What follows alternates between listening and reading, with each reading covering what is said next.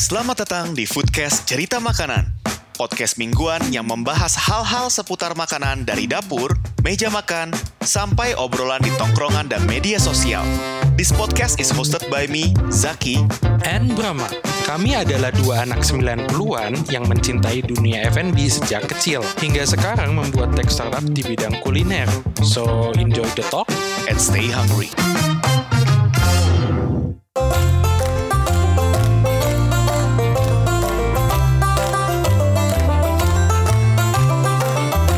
Kembali lagi di Foodcast Cerita Makanan bersama gue Zaki. Dan Brahma, Ini ngomong kembali lagi, emang udah ada topik nih.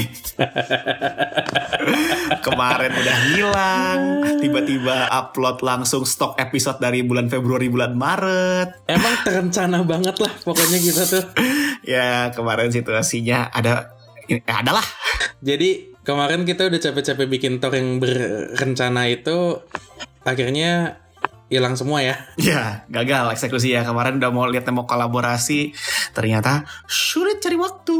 Oh gitu, sulit cari editnya, waktu. dan lain-lain lah. Mungkin Anda sih yang sibuk. Ya, gimana ya? Butuh buat hidup.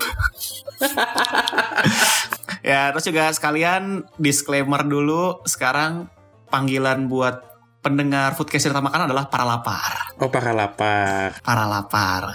Ya, jadi Bukan udah para demon ya. bukan para demon, beda lagi oh, itu. iya. Nanti kita jadi sekte penyembah yang ada. Oh, Hmm, bubur diaduk tidak diaduk. Jadi tapi kemarin waktu episode yang belagu itu kacau sih. Itu sampai gue baru nemu anjir ada orang soto dipisah dicampur. iya, itu itu sakit sih. Sakit sih temen Anggara itu. Udah fix temen Anggara. Satu sekte coy. Itu sekte coy. ya gitu lah tapi ternyata insight-nya wih bagus banget coy kolaborasi sama BDG Podcast sama Belagu Podcast tuh gila loh padahal kita udah uploadnya udah lama sekali dari waktu kolaborasi tapi hmm, sampai lima kali lipat enam kali lipat dari pendengar kita pada umumnya Akhirnya kita punya pendengar tambahan. iya akhirnya ya. Iya, kan kita punya 50 play tiap kita upload tuh sebenarnya kita doang tuh yang nge-play. kita kita lagi ya play play lagi. Ya udah tapi kan sekarang kita mau rubah konsep nih. Nah kita udah ada Thor. Sekarang mulai oh iya satu lagi disclaimer. Mulai sekarang kita, di tim foodcast kita makanan kita ada job desk masing-masing. Oh iya, jadi akhirnya ya. tugas gue buat ngedit sama PR-nya Brahma buat riset Thor. Jadi kok kalau ada yang komplain kenapa bahasnya beginian? Komplain ke Brahma kalau komplain kok editornya jelek komplain ke gua. Iya. kalau misalnya komplain kok sosial medianya aneh komplainnya ke Anggara.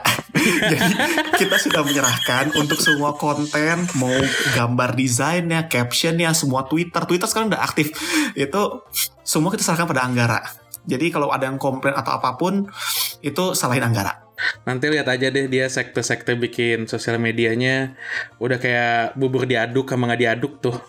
Tapi bagus sih gue lihat kemarin rajin dia nge-tweetnya juga gue suka sih konten-konten meme media tentang makanan. Oh iya dong. tapi hati-hati aja sih pokoknya gue kenapa gue mengucapkan sekarang di sini? Jadi biar kalau misalnya kita kena hujat atau kena ada serangan dari komunitas-komunitas tertentu yang kita tidak niat untuk disinggung pelakunya Anggara. Itu aja. Kami tidak terlibat. Jadi kita mau nyerahkan semua pada Anggara. Jadi kalau misalnya ada komplain kenapa kok desain uh, cover episode jadi jelek kami tidak punya hak untuk mengkomplain lagi sekarang kita serahkan iya. semua pada Anggara ya udah Salah sendiri Anggara nggak ikut bareng tapping sama kita ya. ya udah nah ini kan sekarang kan kita udah ada Thor baru nih Brahma udah capek-capek nih buat konsep baru untuk season 2 yang bakal berjalan nih Episode 1 ya ini episode 1 ya. Uh, uh, meskipun kalau di uh, di Anchor di Spotify ini judulnya episode 4 tapi sebenarnya ini kita mulai dari nol kan habis lebaran mulai Oh dari iya, nol mulai dari nol ya Pak. Harus senyum, harus senyum, harus, harus senyum. loh. senyum kan nggak Iya. kelihatan kita audio di sini Kan bisa pakai teknik smiling voice. smiling voice ya udah Eh, tapi gue belum bikin talk sih Zak. mana ada nih gue buka Thor lu Oh iya. Karena gue pas baca talk tulisannya gue belum bikin talk keren kan? Enggak, tapi di di kali ini nih kayaknya asik untuk ngebahas dengan konsep Indonesia. oke Iya, kita harus balik lagi ke Indonesia kan mulai dari nol tappingnya. Mm-mm. Ah, ah. Nah, kita mulai dari yang sehat-sehat dulu lah, baru ke yang sakit-sakit. Oke, jadi temanya kita adalah Indonesia mulai dari yang menyehatkan sampai yang ti- belum tentu menyehatkan. Iya, sampai yang ambigu tuh. Sampai yang ambigu. Kita Iya. nggak bilang itu membuat sakit, kita hanya bilang belum tentu menye- menye- Iya kan menyehatkan. tergantung orangnya ya. Tergantung orangnya. Iya. nah, di tapping podcast sekarang apa ya? Gue bingung loh. Gue tuh waktu bikin tour gue bingung jujur. Minuman tradisional sama jamu apa bedanya? Oke. Bingung kan? minuman minuman tradisional sama jamu. Jamu itu adalah minuman tradisional. Tapi apakah minuman tradisional itu pasti jamu? Nah, kan ini konspirasi elit global nih. Tapi kalau misalnya ngomongin ini ya minuman tradisional nih, kan mungkin ada ada banyak nih sebenarnya. Tapi lu tadi sempat nyebutin jamu. Mm-mm. Nah emang jamu di otak lu tuh kayak gimana sih Bram? Nah, jamu tuh di otak gue ya, karena karena gue kecil itu kental banget sama minum jamu-jamuan. Apalagi tuh kalau kalau di rumah gue dulu tuh suka ada mbok jamu yang apa bawa jamu gendong gitu kan. Biasa kan Hmm. udah dibilang tuh. Nah, gue itu jamu itu pasti kalau masih kecil taunya yang pahit. Karena gue tuh dulu pada dasarnya emang hobi makan sampai orang tua gue tuh kehabisan cara untuk ngerem gue makan. Oke. Iya, sampai akhirnya gue dikenalin lah sama jamu broto wali. Langsung kesel keluar. Jamu itu itu ibarat ya jamu yang nggak mau gue minum lagi seumur hidup gue.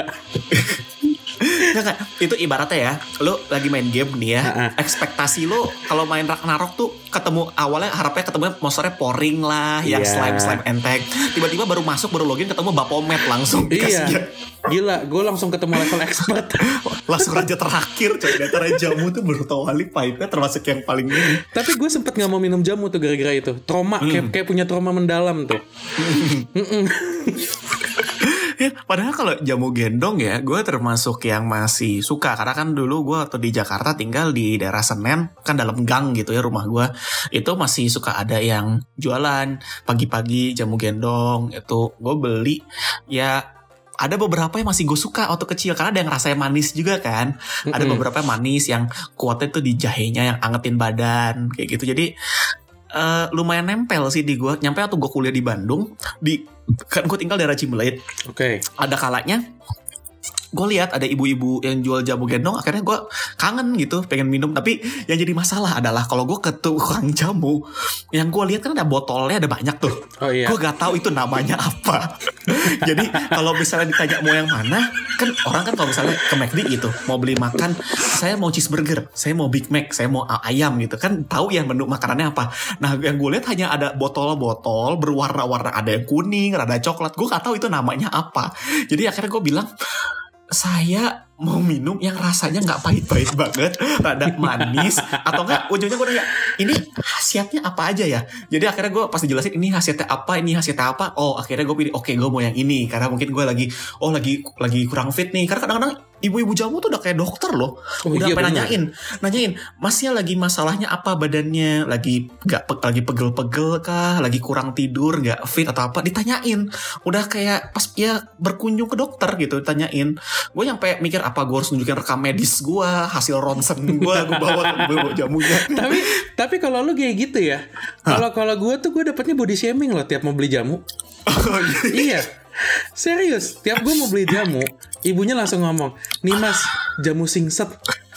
Padahal gue nggak mau jamu singset. karena berpikiran aduh ini kalau nggak dikurusin bentar lagi mati karena aku kasih jamu yang inilah biar kurus lah iya, jadi kayaknya gue nggak pernah ditanya rekam medis. Dia tuh udah tahu lihat dari gue. Wah, ini pasti mau diet nih masnya nih. Mas, mau jamu singset ya? Pasti udah gitu asumsinya. Apalagi kan sekarang tuh tukang jamu udah modern ya. Udah pakai sepeda.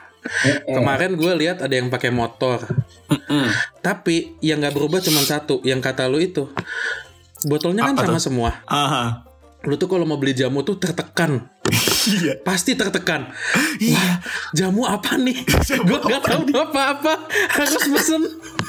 Nah, jadi mungkin kita di sini untuk ngasih tahu nih kepada para lapar Oh, kalau iya. mau mesen jamu itu sesuaikan. Jadi kalian lagi ngerasain apa pesannya ini. Namanya apa? Kita kasih tahu di sini. Meskipun Oh, iya. kita kan platformnya audio, nggak bisa ngasih visual. Jadi kita deskripsinya ini aja lebih ke khasiat-khasiatnya. Oh iya, pokoknya enak broto wali deh kalau mau pada beli. itu rasa pahitnya ya, lebih pahit dibanding hidup loh. Ya kalau misalnya kalian lagi ngerasa hidup kalian lagi pahit, cobalah minum brotowali. Iya. Anda akan merasa hidup kalian manis. Sampai broto walinya kerasa manis berarti hidup lo lebih pahit.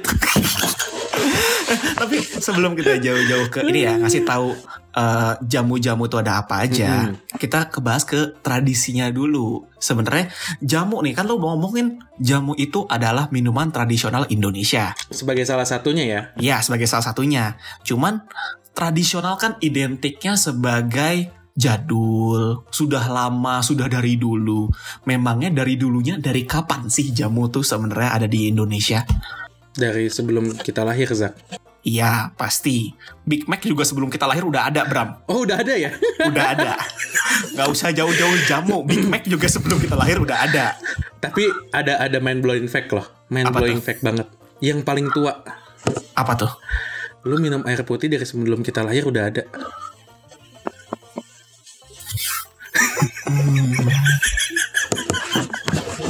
Siapa suka sih tapping pagi-pagi?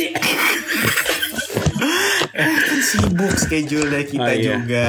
Ya udah Oke lah oke oke. ya. Nih ya. Yap. Berdasarkan riset gua deh. Wih, karena sekarang ke- dulu kan kerjanya yang riset gue ya. Sekarang Brahma yang riset. Jadi kalau ada yang salah, salahin Brahma. Iya. Kalau gue main aman. Jamu itu yang pasti sekitar tahun 1300-an Masehi. Berdasarkan apa, Bram? Apa? Berdasarkan mana, Bram? Informasinya? Oh, berdasarkan ini eh, indonesia.go.id. Jadi kalau salah, kalau gue salah ya, salahin orang Indonesia yang bikin itu. gue pikir lo mau bilang salahin pemerintah, Bram. Oh enggak, kan pemerintah itu elemen dari masyarakat Indonesia. Wih, keren ya jawaban gue. Mm-mm. Ya jadi berdasarkan hasil risetnya Brahma dari beberapa portal informasi di internet yang salah satunya adalah indonesia.go.id jamu itu tuh sudah ada sejak 1300 masehi.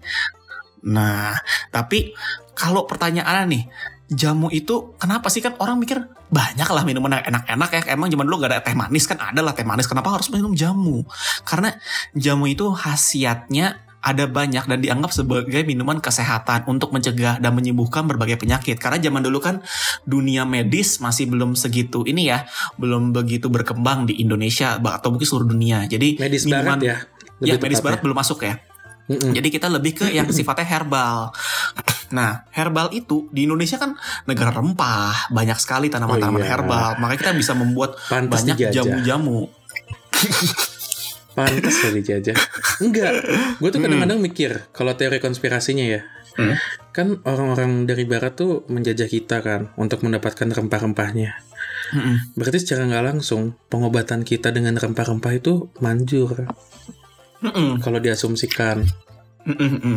Bisa jadi tuh. Tapi kan sebenarnya kan rempah-rempah ya karena merupakan barang komoditas yang langka kan. Wajar Betul. kalau misalnya mereka wah gak ada di sini di negara mereka akhirnya kayak di Indonesia banyak rempah kita ambilin nih. Ya itu kan ya itu terlalu konspirasi lah kita nggak bisa memastikan. Cuma sekarang kita fokusnya ke jamu, Jamu. karena kita foodcast cerita makanan, bahasan tentang makanan. Kita bukan podcast politik ya.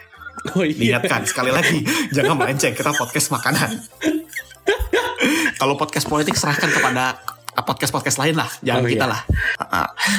Nah sekarang masalah ini ya, secara jamunya itu kan herbal tuh bahan bahannya tuh apa aja sih? Kan ada kunyit, ada jahe yang paling sana kencur, ada kayu manis, ada temulawak tuh juga. Kalau zaman kecil tuh biasanya temulawak kan identik sama ini ya, buat naikin nafsu makan juga. Nah itu tuh waktu orang tua gua, orang tua gue kasih temu lawak lawannya Broto Wali. Udah kayak main kartu Yu-Gi-Oh tapi enggak. Udah kayak Exodia lawan Blue Eyes White Drake. Jadi orang tua gue tuh nyesel ngasih gue temu lawak. Mm-mm. Wih, i- dulu apa ya nama obatnya? ya? Kurkuma plus. Kurkuma plus dulu gue juga dikasih udah kurkuma plus Akhirnya berat badan gue plus plus gara-gara itu. Ya, tapi eh, untuk jamu ya, cara ngolahnya, tadi kan bahan-bahan ada banyak ya. Cara Oh, iya. ngolahnya gimana sih? Kan kita cuma biasanya cuma tahu udah botol nih udah jadi nih jamu. emang diolahnya diapain? Nah, biasanya kan ditumbuk tuh. Kalau zaman Hmm. dulu ya, nggak mungkin lah ada blender zaman dulu. Tidak mungkin dong. Oh, iya. Tidak mungkin ada blender zaman dulu. Iya, kecuali kecuali bi- kayak bikin wine zaman dulu diinjek-injek. Mm-mm, zaman dulu ya kayak gitu. Nggak sih, kalau kita kan udah pakai ini ya tumbukan eh, apa ya namanya Coep, cobek. cobek. Ah. kalau di Sunda cobek ya bilangnya ya. Ah, gue nggak tahu deh. Nih, jadi yang pemahaman gue ya, coep itu yang batu di bawahnya yang buat naro-naro bumbu-bumbunya, cobek itu yang batu yang kita pegang buat Yang numbuknya itu. mukulnya kan? Heeh, itu pemahaman gue. Gue nggak tahu kalau di tiap daerah mungkin ada istilah-istilah yang lain, mungkin ada istilah ulekan aja gitu kan. Oke, nanti bahasan selanjutnya itu ya. Ter selanjutnya bagus tuh idenya. Jadi kita ngebahas jadi coet, cobek, ulekan. Bedanya Oh, iya. apa? Bisa jadi itu. Itu masih genrenya masih ke dunia makanan lah. Bisa tuh. Tutor baru tuh. Nah, tapi kan cara ditumbuk, terus juga mungkin ada habis itu kan ditumbuk, habis itu direbus kah, di ya digodok lah ya, direbus kayak gitu, Digodok, terus disa- iya. disaring. Nah, nah mungkin gimana caranya kalau misal direbus gitu mungkin buat ini kali ya buat ngilangin kandungan-kandungan yang uh, bakterinya segala macam. Jadi benar-benar pure kandungan sehatnya Mm-mm. di sana. Terus kadang-kadang tuh biasa yang gue tahu juga tuh udah direbus kayak ada pakai saringan gitu loh. Terus lu Hmm. Ah di- iya, saringannya kalangan kain kadang-kadang tuh. Iya iya di apa ya kayak di di diperes banget lah sampai Hmm, akhirnya ekstrak terakhirnya keluar. Mm-mm. Tapi itu kan bisa dibilang jamu tradisional ya. Nah, tapi kalau ngomongin jamu modern, ada loh sebenarnya. Yang paling simpel, yang paling deket ke kita. Jamu yang sifatnya modern itu ya kayak brand-brand tolak angin, antangin, itu kan sebenarnya kan jamu tapi sudah diproduksinya dengan cara modern kan pabrikasi kan. Iya. Gimana caranya kita bisa minum eh, tolak angin atau antangin segala macam. Yang kalau mau masukin jadi endorse boleh, kami nggak nolak. Tetap harus menjual, Ah, harus sebagai jualan, pelanggan setia juga terhadap eh, Sido muncul ya. Ah, ah, saya tolak angin selalu ada stok loh di kamar saya. Mm-mm. Ya pitching eh, lempar-lempar dulu aja, kali Lempar-lempar aja gitu dulu aja. dengerin. Ah, ah. Siapa tahu kan Nah. jadi brand ambassador telak angin ya. Nggak apa-apa, saya rutin minum tolak angin tuh kalau ini suka saya. Oh, iya. Nah, ini kalau ngomongin masalah eh, jamu modern, tadi kan baru yang modern di sisi eh, ini ya, sisi produksinya. Iya. Sampai ada yang diolahnya pun juga modern lagi. Nyampe ada yang es krim ya. Kalau gue lihat dari Torlu ada nih. Mm-mm, jadi eh, es krim terus kan beberapa kafe di Bandung tuh juga ada yang akhirnya dia ngebikin apa ya akar akar minuman itu pasti minuman tradisional jamu-jamuan Mm-mm. kayak beras kencur shake itu enak loh Oh, oh iya. Kalau di Bandung sendiri pun ada menjamu kan ya. ada menjamu ada mahidana Ah, ah. Terus eh, lumayan banyak loh tempat-tempat makan di kalau di Bandung ya yang udah mulai menunjukkan ke ini mereka eh, apa sih jamu itu bisa diolah jadi versi modern gitu. yes Nah, terus juga eh, kalau misalnya ini ya masalah jamu-jamu nih. Tadi kita udah ngebahas nih kalau secara jamu itu ada banyak ya eh, secara sejarahnya dari zaman dulu yang apalagi kan jamu kan identiknya adalah menyehatkan. Bahkan secara terminologi bahasanya aja berasal dari bahasa Jawa kuno yang artinya penyembuhan. Jadi cocok nih kalau minum orang-orang yang mau minum jamu itu untuk jaga kesehatan tuh bagus nih. Jadi kita mengencourage orang-orang, ayo kita minum jamu. Kan dibilang di awal, podcast kita season ini di awal dari hal yang menyehatkan sampai yang belum tentu menyehatkan. Jadi kita memberikan kalian amunisi untuk kalau kalian udah dengerin episode terakhir dan kalian tergoda untuk makan itu hal yang belum tentu menyehatkan, kalian sudah tahu jawabannya. Ada yang menyehatkan. ada jamu Ada ada jamu. Nah, Ada jadi jamu. sekarang kita mau bahas nih jamu-jamunya apa aja sih di varian-varian jamu yang ada di Indonesia.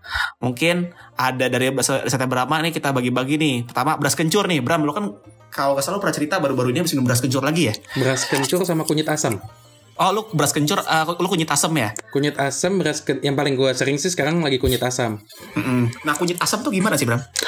Jadi kunyit asam itu dia tuh kayak yang gua tahu nih ya, dia tuh kayak painkiller tradisional. Hmm. Tapi sebenarnya tujuannya kunyit asam itu untuk mengobati di daerah-daerah perut. Nah, biasanya yang minum banyak kunyit asam tuh sebenarnya kalau perempuan lagi haid. Hmm. Nah, nah gue tuh belajar minum kunyit asam karena nyokap gue kalau lagi eh, menstruasi dia itu pasti minum kunyit asam untuk ngeredain si sakitnya. Nah tapi karena gue juga emang saking hobinya makan sampai dapat GERD nggak juga sih ya jangan salahin makannya ya emang gaya hidup gue aja gaya hidup gue yang kurang baik gue itu mengidap GERD. Kemarin tuh di di vonis sama dokter bahwa setelah di endoskopi dan segala macam gue tuh punya GERD. Nah, kalau gue lagi kambuh GERD itu rasanya udah capek banget deh, udah nggak bisa deh gue. Nah, udah banyak obat dan segala macem obat-obatan dari barat. Akhirnya gue tuh cocoknya malah sama jamu-jamuan. Hmm. Makanya gue lagi sering banget minum kunyit asam. Bukan karena pas gue kambuh doang ya, gue minum kunyit asam, tapi kayak eh, biar biar apa ya? Menjaga kesehatan. Kan jamu itu nggak hanya penyembuhan ya, Iya. tapi kan bisa ngejaga kesehatan biar lu nggak kambuh-kambuh lagi. Dan alhamdulillahnya Betul. sampai sekarang gue udah nggak pernah kambuh. Oke. Semenjak gue rajin minum kunyit asam, abis itu biasanya gue minum yang jahe manisnya. Kan kalau kita minum jamu tuh suka dikasih tuh. Oh iya, jahe manis manisan, itu ya. Biar Ah. bisa biasanya bilangnya manisan ya kalau di Bandung kalau nggak salah kemarin gue Hmm. minum. Pas jam 12 tuh biar kuat puasa kan. 12 apa nih? Malam, Zak. Oh, malam. ka- kali 12 siang biar kuat puasanya sampai maghrib gitu. Tapi selain itu tuh gue juga minum beras kencur. Eh, beras kencur tuh mungkin yang paling umum ya. Hmm. Umum banget kan. Nah katanya beras kencur itu tuh bisa menjaga kesehatan kulit. Oke. Jadi si beras kencur itu tuh bagus untuk satu yang gue tahu ya eh, nyehatin kulit. Terus kalau misalnya lu punya masalah di lambung juga kayak lu lagi diare atau lu lagi sariawan tuh yang bagian-bagian kayak gitu tuh dia itu bisa bisa apa ya bisa mempercepat proses penyembuhannya Oke. Yang gue bingung Bram, apa kok beda sama dari link yang lu kasih? Oh keren kan? Keren kan gua? Keren kan? Hebat loh. Karena enggak, karena kalau menurut gue yang gue omongin tuh lebih akurat karena itu dari tukang jamunya sendiri. Oh, oke. Iya, nggak gue tambahin karena gue juga bingung. Masa gue tulis tuh dari tukang jamu Brahma. ya, soalnya kalau berdasarkan ini ya dari platform yang kita cari informasi ya dari Good News from Indonesia. Kalau tadi kunyit asem, itu kan bahannya ada kunyit, asam jawa, gula merah, temulawak dan rempah lainnya. Dan itu biasanya dibeli buat remaja putri untuk mengatasi sakit perut pas datang bulan dan juga mencerahkan kulit karena kunyit mengandung Oh antioksidan. kebalik ya itu kunyit ya. Tapi kan di di apa sih namanya? Kalau misalnya di kunyit asam itu ya kan ada antioksidan kan memang kunyit kan. Yes. Terus juga sama ini kalau kita ngomongin modern kayak ada brand kan kayak Kiranti itu kayak ini deh soalnya gue nyokap gue dulu biasanya kalau mens itu ya bikin kunyit asam tapi kalau misalnya lagi gak bisa masak gak lagi gak sempat bu bikin ujung-ujungnya ya udah beli aja Kiranti di supermarket Hmm. Nah itu jadi mungkin salah satu bentuk jamu yang sudah mengalami modernisasi, udah mengalami proses manufaktur yang pabrikasi. Nah kalau itu kunyit asam nih, tadi Brahma bilang beras kencur itu buat kulit, buat sariawan. Tapi kenapa saya bingung? Karena kalau dari platform yang dikasih tahu sama Brahma, beras kencur itu ekstrak kencur, beras, ekstrak jahe, ekstrak asam. Memiliki rasa manis dan segar dengan manfaat menambah nafsu makan, menghilangkan rasa pegal, dan menambah stamina. Ini tiga yang dikasih tahu di website-nya beda sama yang Brahma sebutin. Jadi Beda ya. Soalnya ya, soalnya ya, gue kan kalau kalau kunyit asam kan nggak bikin nih, terus gue biasa beli. Terus kalau tukang jamu gue tuh biasa bilang gini, aduh nama jamunya apa ya gue lupa deh. Dia dia, dia udah kemasannya juga udah enak kok botol gitu. Jadi gue dikirimin uh, setiap seminggu tuh dikirimin dua kali. ada beras kencur, kunyit asam sama jahe. Jadi kalau uh, bisa ditaruh kulkas. Jadi sewaktu-waktu kalau gue mau itu bisa gue panasin tuh si jahenya. Nah, setiap gue minum, setiap gue mau mesen, dia bilang mau tambah beras kencurnya lebih banyak nggak mas? Terus kan gue juga bingung ya, eh, s- yang tadi kita gue udah riset kan beras kencur itu menambah nafsu makan. iya, ini baru pertama kali loh gue ketemu tukang jamu yang nyuruh gue nambahin nafsu makan bukan buat singset. Bram, gue punya teori konspirasi Bram. Apa? Mungkin dia ngasih beras kencur ke lo biar lo makin gemuk, makin gemuk. Nanti pas udah gemuk banget langsung dia bilang, "Mas harus minum yang jamu singset." Jadi dia mikirnya kalau lu sekarang dikasih jamu singset, palingan waktu konsumsi lu mungkin 3 bulan, 6 bulan. Oh, iya. Tapi kalau lu dibikin lebih gemuk lagi, lu bakal konsumsi jamu singsetnya bisa sampai setahun mungkin. Oh, Itu jadi gue jadi pelanggan setia seumur hidup coy kira-kira itu. enggak, tapi dia tuh selalu bilang enggak mas beras kencur itu tuh bagus buat jaga kulit karena kan gue Hmm. juga kayaknya gue banyak banget penyakit ya kesel juga gue. Jadi gue tuh punya gue punya gue tuh punya eh, apa ya namanya auto bagian dari autoimmune disease namanya psoriasis bukan eksim Nah, semenjak gue minum kunyit asam dan beras kencur itu, eh, radang psoriasis gue itu membaik. Oke. Ah, Oke, kalau gitu kembali lagi di Foodcast cerita medis. Oh enggak kan Jadi kita kalau- lagi ngebahasnya makanan yang menyehatkan. Berarti Iya, iya. Berarti kalau gue ya, kalau gue lebih menyimpulkan medis boleh, tapi kan juga harus diimbangin dengan gaya hidup lu. Bagaimana? Iya. Gaya hidup gue itu Tidak hidup. unicorn banget lah. Enggak, gaya gaya hidup gue tuh warna-warni kayak pelangi. kadang sehat, kadang kurang sehat, kadang terlalu sehat. ya udah, tapi itu kan tadi dua tuh ya, beras Iya. kencur sama kunyit asam. Ada banyak lagi nih. Ada eh, itu kan yang lumrah ya, sinom nih. Mungkin nggak banyak yang tahu nih. Sinom itu mirip kunyit asam, tapi dia menggunakan daun asam yang masih muda, temulawak, kunyit, Sama pakai kapulaga. Iya, kapulaga. Nah, kalau ini eh, fungsinya untuk mengatasi peradangan lambung atau mah, sama juga bisa mengatasi keputihan pada wanita. Tuh untuk sinom tuh warnanya ya rada-rada kayak mirip kayak eh, es lemon tea lah kalau dari gambar yang saya lihat. Oh, kalau dari gambar yang ngeliat ya. Kayaknya kalau orang yang nggak suka jamu bisa kita trik nih. Ini minum es lemon tea nih enak. Eh, eh, kan ada asam-asam ya daun asam kan. Oh iya. Heeh. Bener ya. Le- eh, bukan lemon tapi ya. Uh-uh. Terus ada namanya cabe puyang.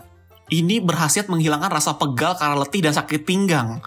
Ja, kok jamur? Ini typo nih harusnya jamu ini. Tidak mungkin jamur dong. Oh, iya Tidak mungkin jamur ini jamu dong. Nanti kalau jamur halusinasi kita.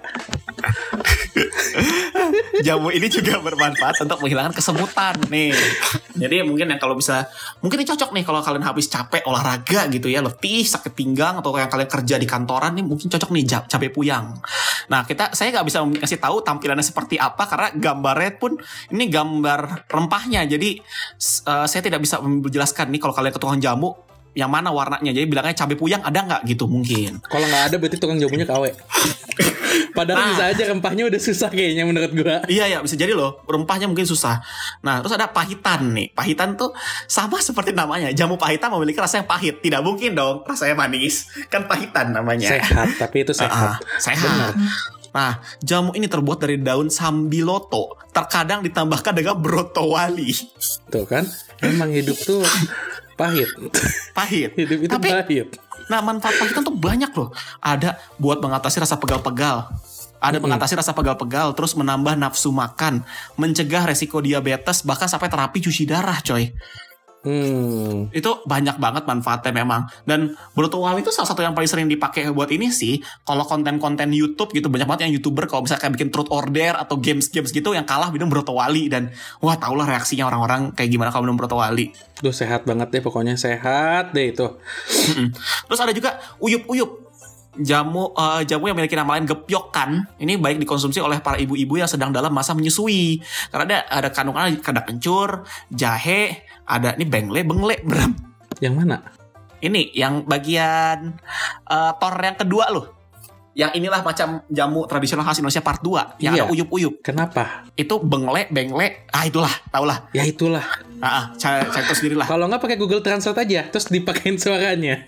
Ah, Oke, nanti kalau gue lagi niat edit, gue kasih suaranya. Tidak, tengle. Gue gitu. Bingley. Nah, terus ada laos, ada lengkuas ya, ada kunir, temulawak, ada puyang, temu giring. Wah, tuh nama ininya juga susah nih. Kayak rempahnya udah lumayan langka juga nih kayaknya. Dan selain produksi produk, ASI. produksi ASI, jamu ini percaya dapat menghilangkan bau badan pada ibu dan bayinya. Wah, Anggara fix harus minum ini. eh, enggak dong. Ini konteksnya kan buat ibu-ibu karena kan ka, bau badan kan ada hubungan sama hormon ya. Oh, kan iya. biasanya kalau lagi hamil, lagi atau baru melahirkan hormon kan nggak stabil kadang-kadang ini. Mm. Nah, jadi mungkin ada pengaruh ke bau badan. Jadi kalau misalnya yang pendengar eh, para lapar yang mungkin lagi ibu-ibu lagi ini merasa oh kok bau badannya jadi gak enak, mungkin bisa nih salah satunya nih eh, uyup-uyup atau gepyokan nih bisa nih. Mm. Terus ada kunci sirih. Nah, kunci sirih ini terbuat dari rimpang kunci dan daun sirih, memiliki manfaat untuk menghilangkan masalah keputihan, bau badan, bagian kewanitaan dan, dan dapat memperkuat gigi. Jadi boleh nih, ada bau badan juga nih, kita bisa merekomendasikan. Lo lo sama Anggara boleh tuh. Kenapa gue dibawa-bawa anjing? Kan lo ini udah udah udah ini ya punya pengalaman berapa tahun punya bau badan. ya kan dulu dulu itu zaman SMA. Nah, terus ada kudu Laos. Terbuat dari laos lengkuas ya, ditumbuk dan bahan-bahan lain. Ini nggak diketahui nih bahan-bahannya apa nih. Tapi jamu ini menghangatkan tubuh, mengatasi kembung, meredakan demam bagi anak-anak maupun orang tua. Ya mungkin zaman dulu kan balik lagi informasi medis barat belum masuk jadi kayak eh, paracetamol segala macam masih bukan hal yang lumrah untuk eh, mengobati demam untuk anak-anak atau orang tua. Jadi kalau zaman dulu pakai kudu laos jamunya. Terus ada galian singset. Nah, jamu terbuat dari kencur, temulawak, kunyit, asam jawa, kayu manis, ada merica loh.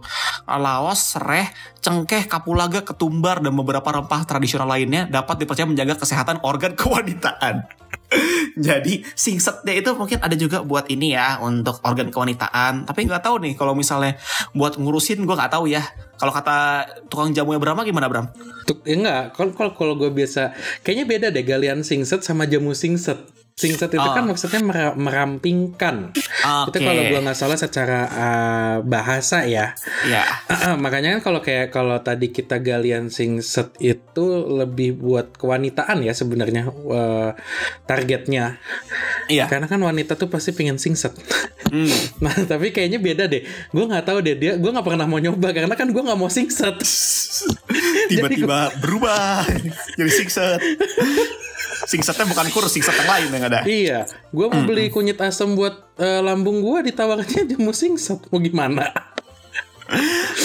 ya tapi sama satu lagi sih yang jamu ya tadi kita udah sebutin temulawak itu kan ber- eh, buat kita nafsu makan ya ternyata juga itu bisa buat keluhan pusing mual menghilangkan gejala masuk angin dan eh, apa sih terbuat itu ada, ada asam jawa gula aren daun pandan jinten dan temulawak itu sendiri jadi ya kandungannya banyak sih. Memang kalau kita ngomongin rempah-rempah di Indonesia itu pasti manfaatnya ada banyak banget. Jadi buat para lapar semua kalau misalnya dengerin season kita yang sekarang mungkin episode ini tidak menggairahkan untuk didengarkan. Iya. Dalam artian kita bisa kan, oh kasih deskripsi makanannya enak kayak gimana. Tapi percayalah, akan ada titik dalam hidup kalian.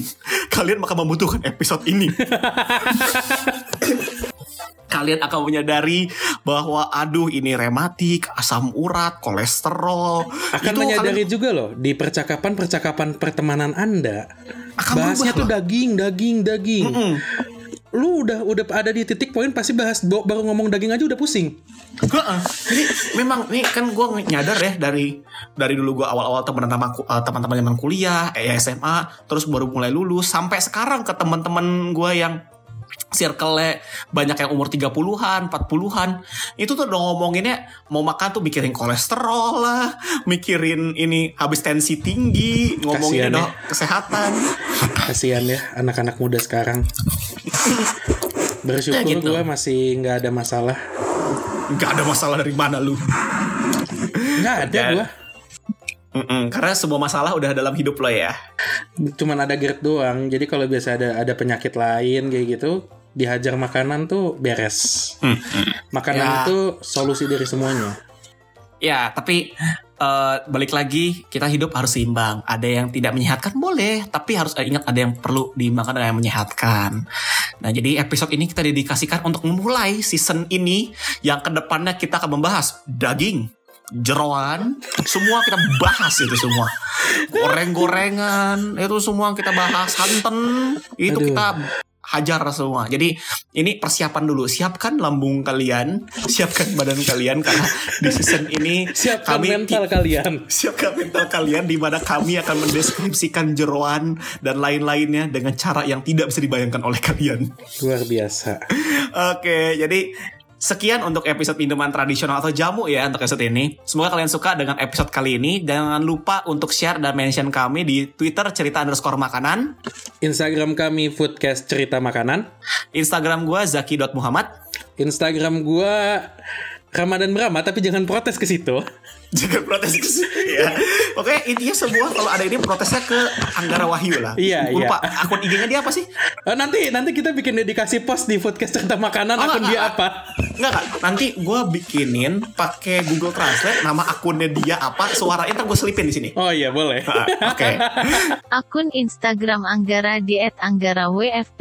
Kalau mau komplain silahkan DM dia. ya udah kalau gitu, thank you for listening to this episode. Until next time. Stay hungry.